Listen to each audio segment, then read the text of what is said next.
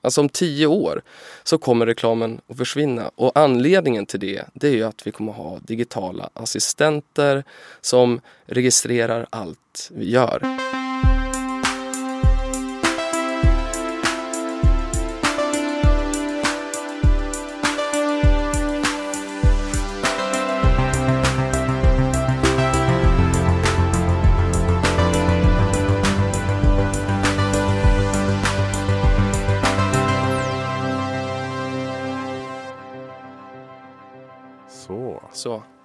Perfekt. nu då, är du nöjd nu? Nu är jag nöjd. Men vi, eh, vi kör igång på en gång. Det är Mm. Heja Framtiden eh, från Helio GT30 i Stockholm. Jag heter Christian von Essen, sitter här med Niklas Hermansson. Välkommen till podden. Mm, tack så mycket. Hur mår du idag? Jag mår bra. Det här är tredje podden jag gör. Idag? Ja, Hur, alltså det hörs inte på din röst riktigt. nej jag pratar inte så mycket. Men min hjärna är lite friterad. Den är fried. Nej men den, den är också fylld av energi för att jag har haft så jävla bra gäster. Oj. Jag, nu är jag sist ut, då gäller det att toppa. Ja, jag ska ta i allt jag precis, kan. Precis. Både för dig och för lyssnarna. Ehm, du har ju bakgrund inom Bonnier News som jag också jobbar med eh, nära. eh, Skriver native-grejer. Och du var någon slags eh, storytelling. Nej men exakt, de, de har ju en, liksom en content-avdelning där. Eh, som heter Bonnier News Brand Studio. Som har liksom exploderat i, i storlek de sista åren. Från sex eh, personer till 60 år på sex år. Så det, det har varit en väldig sån eh, utveckling. Så exakt, där jobbade jag i tre, tre och ett halvt år. Och eh, jobbade de sista åren egentligen med innehållsavdelningen. Som Mm. innehåller egentligen det mesta som en modern eh, produktionsavdelning behöver. Men och sen, så, och sen så skrev du eh, vid något tillfälle att du vill göra 30 poddar på 30 dagar. Mm. Då tänkte jag att eh, det blir svårt. Men eh, välkommen hit. Why not? ja, exakt, vi måste ju börja. ja, precis. Eh, är det här en andra eller vad Det här är den tredje nu. Tredje, okej. Eh, Jag har faktiskt inte lyssnat på annars för att jag vill inte riktigt Ja, men det är bra. Jag vill att vi ska vara eh, fräscha och eh, Ja, men så är det ju. nyförlösta. Vi, vill liksom, vi hoppar, det är så mycket innehåll där ute ju idag. Vi håller på att drunkna i det här havet, informationshavet. Och där i så flyter vi runt i filterbubblor och sådär. Så att det, jag tror inte det är en så stor fara att vara med i 30, po- 30 poddar idag. Det kommer liksom vara att man har lyssnat på en. Men eh, vad, är, vad är syftet med just 30 poddar på 30 dagar? Experimentet går egentligen ut på att eh, jag alltid har ett experiment på gång. Jag tror att det är någon sorts eh, en, en panik kanske i kroppen som gör att man måste alltid se, är det där möjligt? Är det där möjligt att göra? Och då har jag liksom blivit fascinerad av personer som är bäst i världen på olika saker eller har lyckats med någonting och sen så varför kan man inte bara copy and paste? Vi försöker vara ganska stolta och hitta på nya saker. Varför inte bara göra det som redan är beprövat och se om det funkar för mig? I det här fallet var det en kvinna i USA som gjorde faktiskt 40 poddar på 50 dagar genom att lägga ut en eh, Instagram och LinkedIn och Facebook-post egentligen där hon uppmanade sitt nätverk till att hjälpa henne att komma med i poddar. Eh, och det slutade på det sättet. Så jag tog hennes inlägg, skrev om det, försvenskade så att det skulle passa liksom här. Eh, lite native då kan man säga. Eh, och eh, vad det, det slutar i, det får vi se. Men det finns två saker i det här. Det ena är ju att ett, är det möjligt att göra det? Ja absolut, det kan man ju. I Sverige är mycket mindre än USA. Men det andra är ju att eh, folk tycker att man är lite konstig och tokig och så går man, blir man lite amerikansk i det där och då får man antingen de som tycker om det eller de som inte tycker om det. det man blir i alla fall inte mittemellan. Mm. Det kan man ju konstatera. Nej men det är därför du är här. För att, eh, är så jag här, jag vet inte vem du är. Välkommen. Tack snälla. Nej men och du håller ju på att starta något, eh, någon typ av uh, byråverksamhet som heter Nomo FOMO. Just det, exakt. Eh, och vad är, det, vad är det du ska göra där? Du pratar om kurerat innehåll till uh, företag, alltså skräddarsydda nyhetsbrev till exempel. Mm, exakt, så jag börjar med att egentligen starta en tjänst som går ut på att vi, som jag sa tidigare, håller på att drunkna i ett informationshav och det blir bara värre och värre. De senaste två åren, det innehåll som finns uppe, alltså på internet, uppe i molnen och så vidare, 90% av det har skapats de två sista åren. Eh, och det där kommer ju bara bli värre och värre så som dina gäster tidigare har berättat om. Molntjänster, 5G, 6G, eh, alltså alla de här tekniska utvecklingarna gör ju att innehållet bara blir mer och mer. Eh, men samtidigt så minns vi väldigt lite av innehållet. Efter en månad, ifall du har konsumerat, din hjärna har bearbetat 3 miljoner ord, så minns du bara 2 procent vad de där två procenten består av formar ju dig som människa ganska mycket. Eh, så jag är ganska besatt av att få vara de här två procenten och vad jag gör det är att egentligen scanna internet 2500 rubriker varje vecka. Det utgår ifrån kurerade nyhetsbrev, nyhetssajter så att det är redan handplockat. Eh, utifrån det handplockar jag. Och hoppas och tror att tillräckligt många vill följa det här. För att det finns så mycket innehåll där ute men jag kan plocka ut det bästa och ger personliga reflektioner över. Har du vissa branscher då som du fokuserar på? Alltså ifall man går in nu på nomofon.se så ser man att det finns ungefär 20 underkategorier. Eh, men jag är ju väldigt intresserad av tech, work-life balance, föräldraskap, Alltså nya typer av kategorier som egentligen kommer, som egentligen väldigt mycket nu ur coronan också, när vi tvingas vara hemma med tvingas, men vara hemma åtminstone med familjer och umgås mer med oss själva. Så uppstår ju liksom lite nya, eh, nya behov. Mm. Att någonstans så tror jag att de här alltså företag, myndigheter, skolor behöver den här hjälpen. Den kurerade hjälpen att hitta vilken information är viktig. Eh, så det är ju i förlängningen det som Nomofomo ska hjälpa till med. Det tror jag absolut. Ehm, vi skulle förmodligen kunna samarbeta på olika sätt där också. Nej, men du föreläser mycket till exempel? Ja, mer och mer. Jag vill ju göra det mer och mer. Mm. Jag börjar också kunna klustra ämnesvis. Mm. Så att jag kan säga att uh, jag har mat. Ja men det kan jag absolut prata om. För att jag mm. har 20 gäster som har pratat om, om olika foodtech-lösningar eller så här, matsystem. Hållbarhet och infrastruktur och byggande. Alltså, mm. uh, jag har liksom dem i ryggen på något sätt. Mm. Och då kan jag enkelt uh, hitta innehåll till det. Ja men exakt. Så det blir lite så du bygger ju din egen katalog ja, eh, precis, på det här sättet. Och du bygger en katalog som till skillnad från det vi kanske har vuxit upp med och det har blivit än mer utav, alltså eh, breaking news-nyheter som till viss del blir underhållning, till inte lika stor del gör att man förstår världen så mycket. Ja, precis. Eh, och det är ett bra sätt att få attention för att få användare till sina plattformar där det också finns eh, journalistik som berättar hur världen ligger till och hur det mm. liksom sitter ihop. Så det är absolut, förstår jag, eh, syftet med Breaking News. Men det blir lite kontextlöst? Det blir lite kontextlöst och tidigare har det ju varit SD-svansen som har sagt att mm, jag slutar konsumera media. Men jag tycker att det är allt fler som börjar sluta med det därför att det kommer upp andra alternativ. Till exempel så skulle man kunna lyssna på din podd tror jag varje vecka och och eh, lära sig väldigt mycket på det. Och det är det din enda intake-källa. Ja, just det. Ja, det, det låter bra. Det kan du få göra. Du hade, hade 170 någonting. 177 idag. Men uh, nu har jag ganska många i pipen också. Så det mm. blir två i veckan ungefär. Mm. En eller två.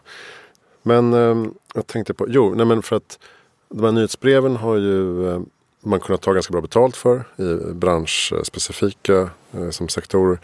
Men jag tycker det känns som att även bransch, inte ens branschtidningarna orkar mm. upprätthålla kvalitet och uh, uthållighet. Liksom att faktiskt pumpa ut det här varje dag eller varje vecka med mm. de bästa nyheterna. Utan det blir lite så här, uh, vem ska sitta och göra det? är någon praktikant typ, som får sitta och lägga ut uh, sju på morgonen. Mm. Och det, Men... blir inte så, det blir inte så vast. Nej, så är det ju. Samtidigt, det första jag gjorde, nu har jag liksom hållit på i den här mediebranschen 20 år. Det första jag gjorde eh, var att sitta på text-tvn på Aftonbladet. Mm. Eh, och sitta och eh, välja ut vilka nyheter som var de fyra viktigaste just nu. Det ska vara två nyheter, en nöje, en sport. Och du jobbade med det? Ja. Jaha. Och eh, liksom koka ner den texten. Shit vilken bra lär, lär, alltså det är det bästa. Skola. Och, och, och, på sätt och vis har jag aldrig gått vidare för det är exakt det som är intressant. Att ta ett längre verk vad är det som är viktigt här egentligen? Mm. Och få folk att faktiskt läsa det för att det är viktigt. För att det formar framtiden. Bara suga ut essensen. Exakt. Det är väl det som är konsten och det är det som är kanske min styrka också. Att, så här, att extrahera en insikt från liksom, tusen timmar. Mm och göra den begriplig. Exakt.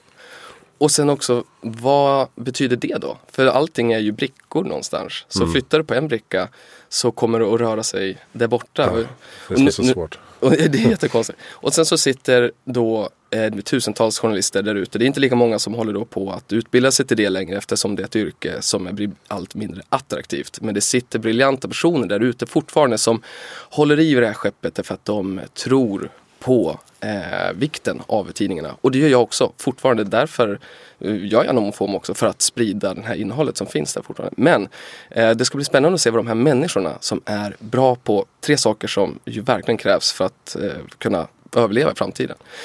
Eh, och det är ju den här eh, israeliska historikern Harari som också brukar prata om the four Cs. Kommunikation är ju en och det är ju hur plattformarna, helt enkelt det här med informationshavet pratar om, att nå ut är ju svårare än någonsin fast ändå lättare på grund av telefonen. Mm. Men att nå ut så behövs duktig på kommunikation. Det kan journalisterna. Kritiskt tänkande med tanke på att tidigare var ju de fyra tv-kanalerna och sen så var det eh, tidningarna som berättade och det var sant och så vidare. Nu finns det tusentals kanaler och vad är sant och inte? Fake news, behöver inte ens gå in på det. Men kritiskt tänkande kommer företagen också behöva ytterligare en anledning till varför just journalisterna är liksom supervärvningar. Varför de inte bör, borde börja plocka de här personerna. Sen så har du kreativiteten som ju också blir allt viktigare med tanke på allt mer vi gör handlar om att skapa känslor. Um, och sen så är det collabs, samarbeten.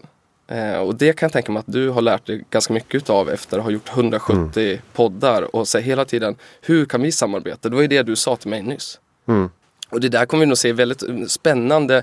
Liksom, nu har jag liksom frotterat mig i reklambranschen i några år och det är, bland, det är väldigt oväntat faktiskt eh, att det är så sällan som företag jobbar ihop och gör liksom collabs, eh, reklamfilmer ihop och så vidare. Det blir alltid väldigt roligt och eh, effektfullt när man gör det. Det ska bli intressant att se fler utav den typen av samarbeten framåt i alla olika sektorer. Faktiskt. Mm, också hur eh, eh, varumärken tar, tar över medielandskapet och kan göra mm. smarta saker där. Mm. Verkligen. Tycker jag. Det här med experimentlustan.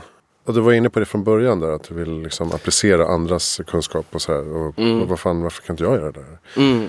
Men vad är det du har gjort som exempel då? Alltså jag, jag minns tillbaks med liksom i så barndomsrummet i Timrå och på, på väggen så, så sitter de här uh, affischerna fast. Jag fick inte ha nålar för det blev märken i, i väggen så jag hade en sån här uh, Kludd. Äh, kludd. Det blev ju också märken så att jag vet inte vad, varför den lösningen var bättre. Men sen dag ett så har jag haft idoler. Eh, och jag har alltid gillat att researcha mycket. Så till exempel innan vi skulle träffas så var jag tvungen att researcha dig väldigt mycket. Uh -huh. Eh, och det har jag alltid gjort i alla liksom, kundmöten på alla sätt så att det är eh, att det, att det är viktigt på något sätt. Vi hade 13 gemensamma vänner till exempel. Många utav dem är väldigt kreativa personer. På eh, Facebook eller LinkedIn? Ja, på Facebook. Okay. Mm. Ehm, men vad det handlar om egentligen det är ju att någon har ju lyckats och det här är nyckeln. Ehm, och eh, jag, det, det, har visat sig då det är att jag är väldigt uthållig. Jag har till exempel ätit samma frukost i, i åtta år nu. Det är fyra råa ägg, aminosyra och jordnötssmör en sked. Och det är inte så gott och det är ju... Fyra råa ägg? Det är ju konstigt. Mm. Och det, även ifall jag inte tränar under perioder så är det den frukosten. Så. Mm.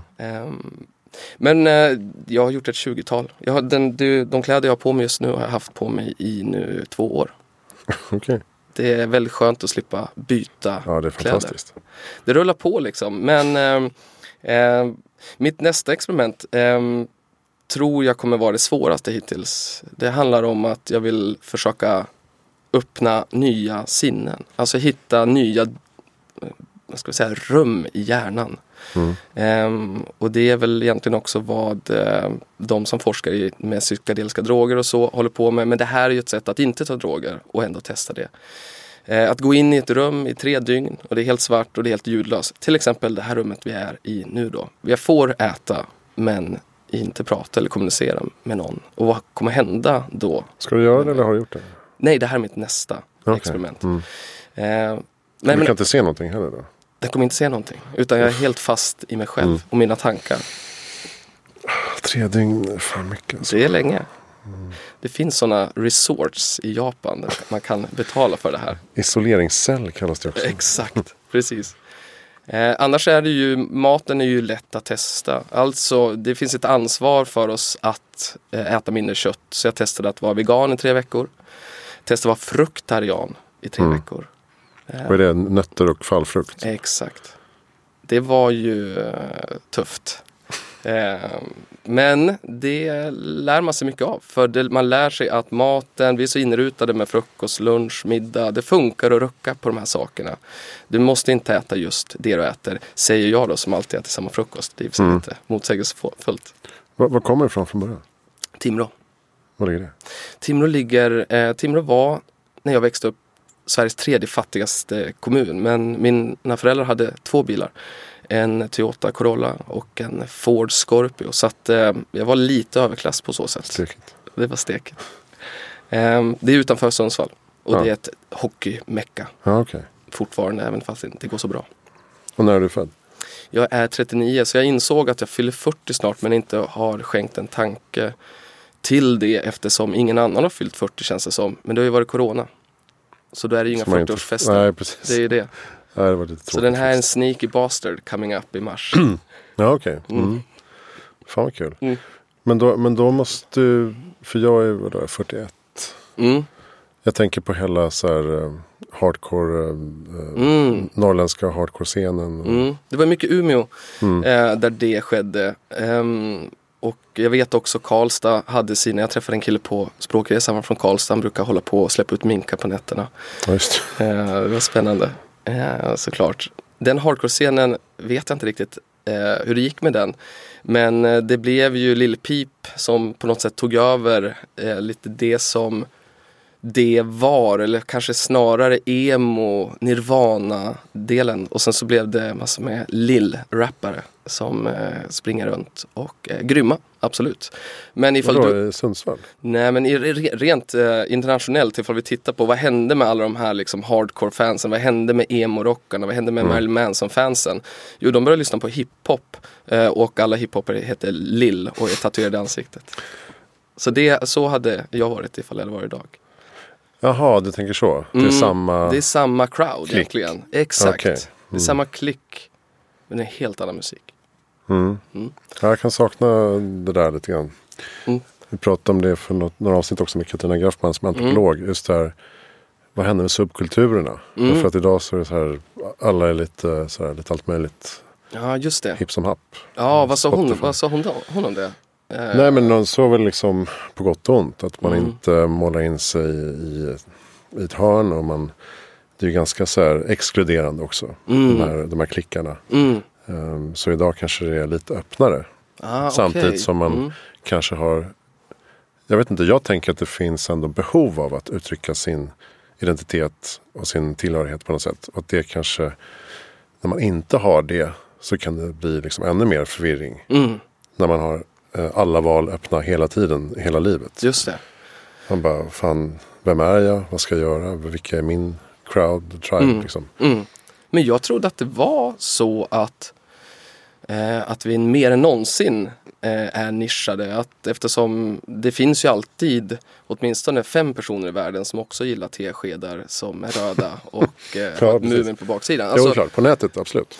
Så, så vi lever det där då digitalt men inte ute i riktiga världen för då, vi har inte tagit på oss de fysiska attributen därför att det här gör vi digitalt. Vi köper ju till exempel skins ju, som kommer från gamingvärlden. Det var där vi började liksom hålla på och betala Mm. för att se ut på ett sätt digitalt.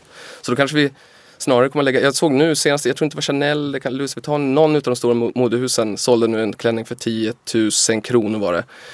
Ehm, lät ju billigt för att vara någon av de här stora. Men det kan vara dollar också. Bara digitalt. Mm.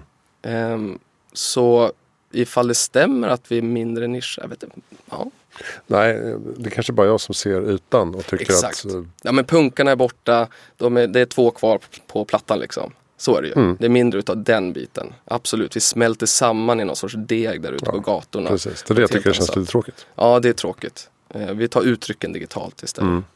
Vad tycker du? Det här är ju liksom så här heja framtiden. Och det, jag förstår inte så här, po, vi måste prata positivt Mm. också om, eh, om framtiden. Vad, vad, vad är dina liksom dina positiva saker som du längtar till att överleva 20 år till? Eller 40? Hur länge ska du leva förresten? 120 har jag tänkt. 120 det brukar ju hon, det här är min gemensam kompis, Dr. Mona. Ja, just Hon det. brukar prata om att man kan leva till 120 nu. Mm. Eller, åt, eller så är det de som, som föds nu som lever till 120. Ja men okej, Ja, 120 Vissa har sagt till och med till. 200 eh, att det är möjligt snart. Ja, då tar jag rygg på den personen. Men, nej, men jag ser fram emot att, eh, att se den här eh, gröna omställningen. Mm. Som nu, liksom, mycket snack. Men jag ser fram emot att se den liksom bara swoosha, Mm. accelerera. När tekniken och kapitalet och kunskapen och allting eh, sammansmälter. Eh, och eh, det liksom kommer gå sjukt fort. Mm. och hur, eh, ja, men hur näringslivet håller på att ritas om. Så att eh, det är inte coolt att vara rik stekare utan man ska göra gott och man ska förändra världen. Och, Mm. Syftesdrivet, entreprenörskap. Eh, Det är ju fantastiskt att, Mm. att följa. Sen är det klart att man, man längtar efter liksom, teknisk utveckling som gör att allting ska bli enklare, ännu enklare, ännu smidigare. eh, automatiserat och Mm. sladdlöst. Sladdlöst, det tänkte vi för 15 år sedan ja, också. precis. Varför måste det vara eluttag överallt? Kan Ja. inte bara elen vara? Och Mm. kan inte bara, varför måste man hålla på jävla wifi lösenord? Kan inte bara kan inte internet bara finnas Kan det bara överallt? svorsas in? Ja, där, precis. Mm.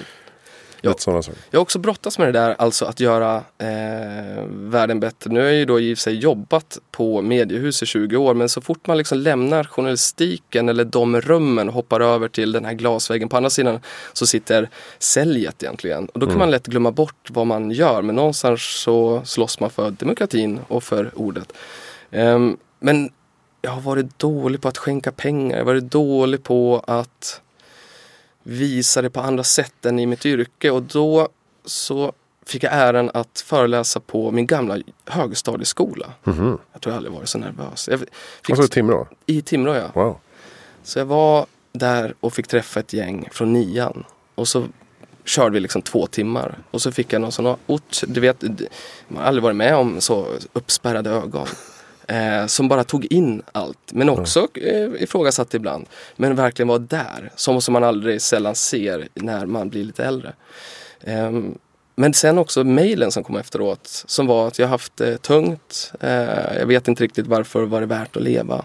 Ehm, men att det var det minsann, tyckte den här personen. Eh, fick energi eh, av Mm. att det kommer någonting som pratar på ett annat, ett annat sätt. Eh, så det kan jag verkligen, verkligen rekommendera. Jag har också kört för gymnasie och för universitet. Men det är ju någonting där med hög, eh, högstadie och eh, gymnasie som är läckert. Mm, jag, jag har en plan nu att ehm, försöka komma ut till gymnasieskolor Kul. med i framtiden. Ja, superbra ju. Plattformen liksom. Mm. Men jag tror inte att de ska behöva betalas. Jag måste hitta en Exakt. finansiär som kan gå in och, och stötta. Exakt, och jag, det var det jag tänkte just med att det här är någonting som jag måste göra. Eh, Oavsett vad det kostar. Ja, för framtidstro För är det viktigaste och det Mm. är det som saknas eh, Mm. bland de unga. Mm.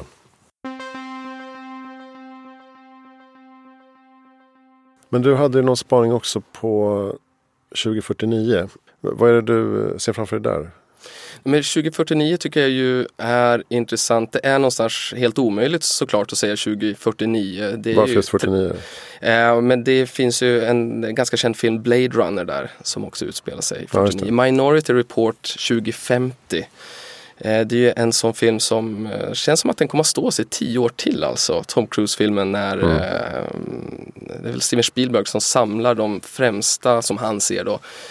Eh, innovatörerna i världen, visionärerna. Eh, det är en, en helg någonstans på någon ranch i USA och sen så får de bara brainstorma kring hur kommer världen se ut 2050. Backar vi kommer vi till tiden på Manhattan när de hette Mad Men, reklamarna. Eh, och konstigt nog så är det ändå så att väldigt många av de här reklamerna som de tog fram när de såg att så här kommer framtiden vara. Så var det ju så, de satte ju, man kommer inte klippa gräsmattan på så, sätt utan det kommer göras automatiskt. Ja, elbilen kommer. Ja, eh, Facetime kommer komma, man kommer inte sitta och prata så här utan man kommer med, med video eh, kunna prata med varandra. Det finns massor med olika exempel på det här. Att det går ju såklart att förutspå det. Så jag tycker tidsramen är intressant av den anledningen. Eh, Det har jag eh, föreläst under våren kring innan corona och eh, en, en tid innan. Just för att göra experimentet att okej nu tar vi en dag 2049, vi vaknar upp och så kör vi den dagen fram till, fram till kvällen. Och jag tror att den stora, stora förändringen eh, mot idag det finns ju negativa saker här men det ska vi inte prata om idag tycker jag. För det här är ju Heja Framtiden.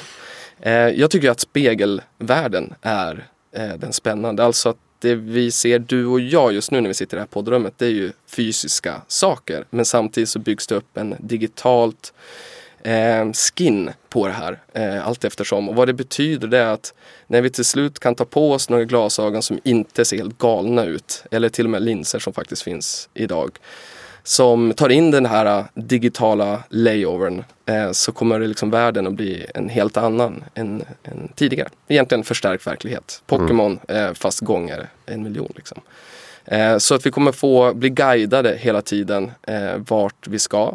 Vi får kanske varningssignaler för att vi ska byta sida för att det är någon som inte svarar ett mail på så att nu får vi passa, när kommer den personen? Vi ser en influencer som också är brandad på gatan. Mm. Eh, den, det, det, är väldigt lätt att... Eh, Gillar du den här väskan? Köp den här nu. Exakt. Man bara... ja, ja, exakt. Och du går in i matbutiken och Helt plötsligt så står din favoritkändis och berättar, du får gå runt med kändisen kanske till och med som berättar vad du ska handla för, för att se ut som den ja, personen. Det, just det. Eh, och det här kan man liksom gå och dra och det här ska man ju älska att skriva en hel bok om och så vidare. Eh, men det, det, som också blir intressant är att jag tror att reklamen sen kommer att försvinna. Alltså om tio år så kommer reklamen att försvinna och anledningen till det, det är ju att vi kommer att ha digitala assistenter som registrerar allt vi gör. Vad vi säger, vad vi tycker om, hur liksom pulsen går upp för vissa saker. Eh, det betyder att eh, de här digitala assistenterna baserat på data som vi liksom hela tiden eh, puttar in beroende på vad vi gör för någonting vet ju redan vad vi vill ha för någonting. Och den kan liksom bara, så allting handlar om kvalitet och det handlar om pris. Branding försvinner i en sån värld när den digitala assistenten gör alla dina val. Vad du ska köpa för någonting. Men, men varumärkena kommer vilja påverka digitala assistenten? Och det kommer ju bli den intressanta för det är ju ingen som riktigt jobbar med det. För jag såg, jag läste någon, ny, eh, någon artikel nyligen som handlar om att vi måste börja marknadsföra mot robotarna.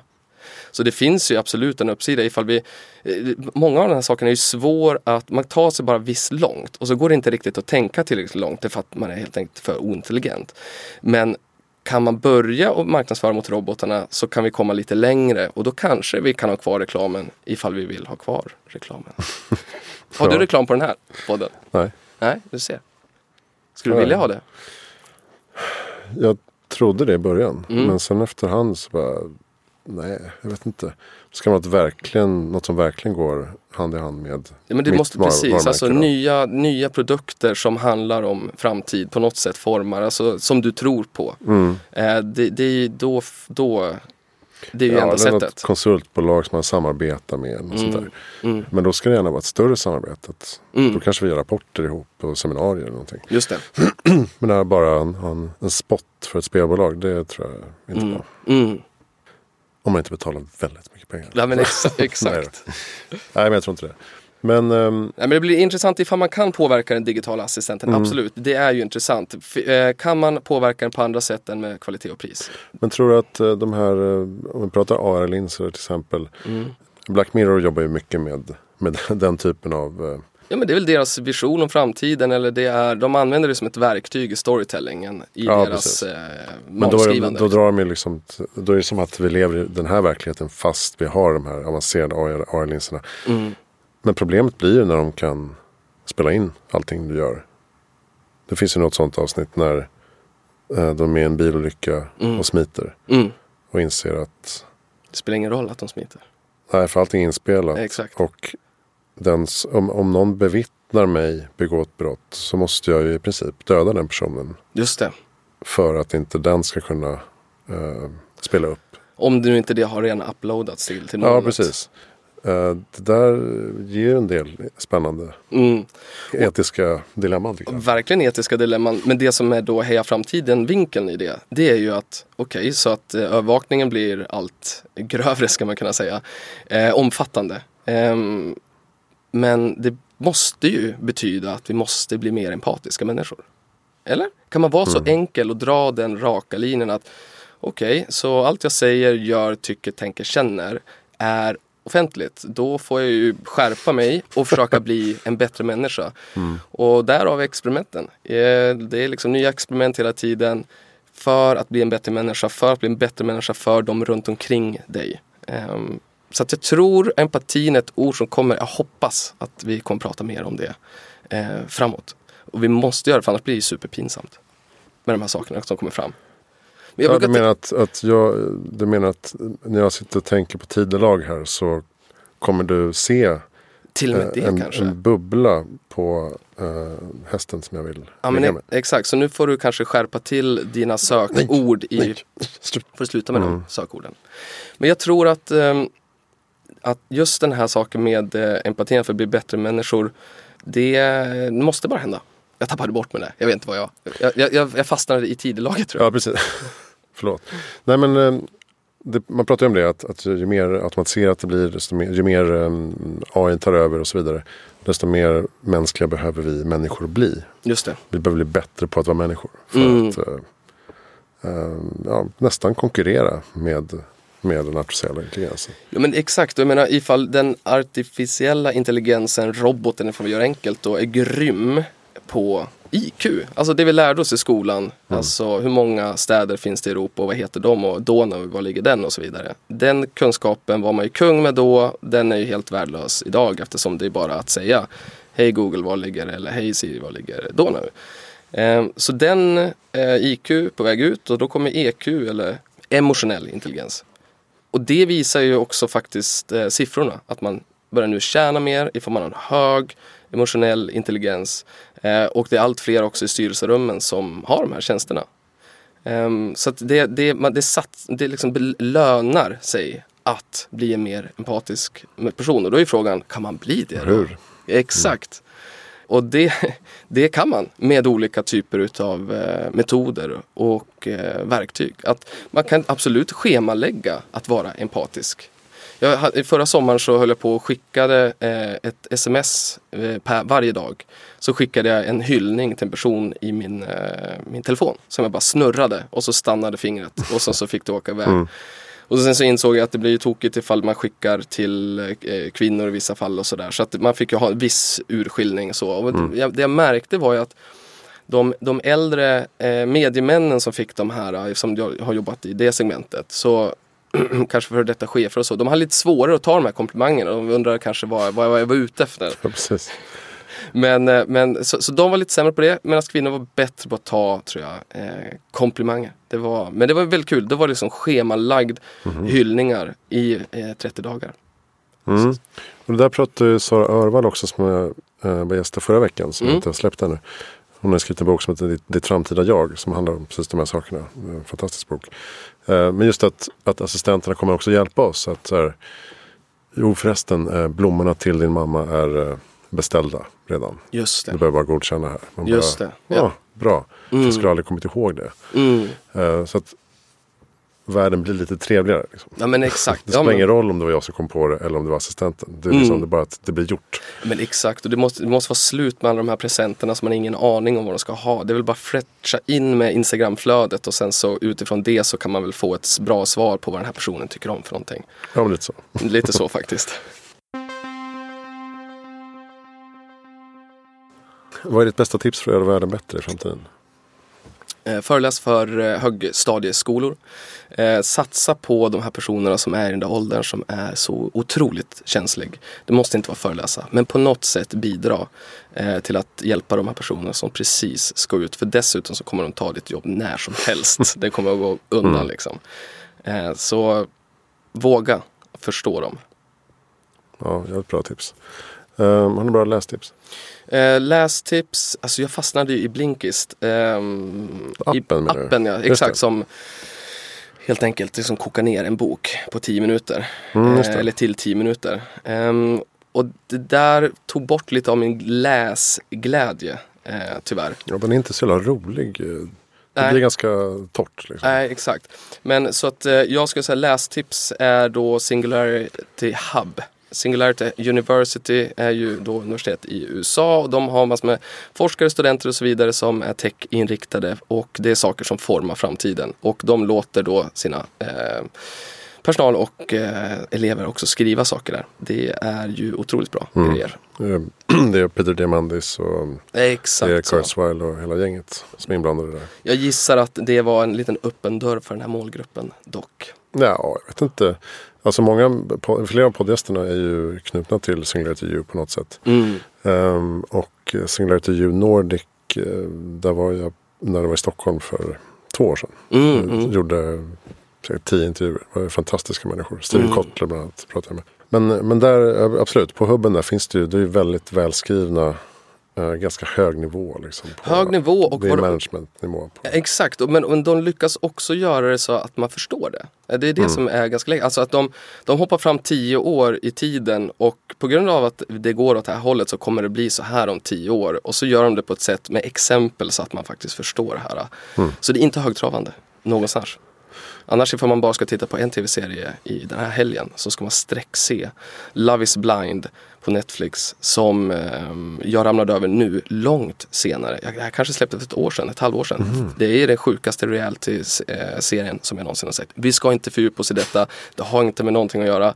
Men eh, jag har liksom konsumerat så mycket tv i mina dagar eftersom jag jo- jobbat mycket med det. Och Jag trodde nog att jag alltid skulle säga att Survivor, alltså amerikanska versionen av Expedition Robinson, skulle vara den bästa som ju är långt bättre än de svenska versionerna eftersom det baseras på andra saker än känslor. Men då var det Love is blind. Det slog det. Världens bästa realityserie.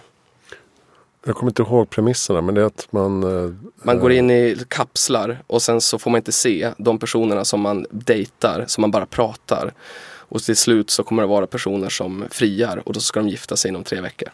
Som ska gifta sig med någon som de inte har bara sett. Just det, men i veckor. Sverige heter det väl Kärlek vid första ögonkastet. Det är en dansk produktion som ehm, eh, kom mycket tidigare. Jag minns när danskarna höll på med den här. Då jobbade på eh, något som heter Hard Hat. En produktionsbyrå. Och Kalle Schulmans... eh, Exakt, precis. Så då kommer jag ihåg att de här danskarna, de är alltid lite galnare än oss. Berättade, drog den här idén eh, för mig och då var jag så, "Men det där, det där kan ni inte få igenom, det går inte. Och så fick de det. Och det var till och med SVT som sände den här i Sverige. Ja, det var ju otroligt. Vem tycker att jag ska intervjua? Jag tycker att du ska heja framtiden. Oj, oj, oj. Jag tycker att du ska intervjua en person som är, han är nog den mest kreativa personen, även ifall han inte själv skulle erkänna det. Han jobbar på Facebook, så jag vet inte ifall han får vara här och prata, men han förstår om någon. Han kan komma med en spaning. Jag tycker synd om alla killar som om några år ska liksom komma ut på dansgolvet för första gången och möta alla TikTok-tjejer. För det kommer bli en tuff utmaning. Eh, Erik Karlsson heter han.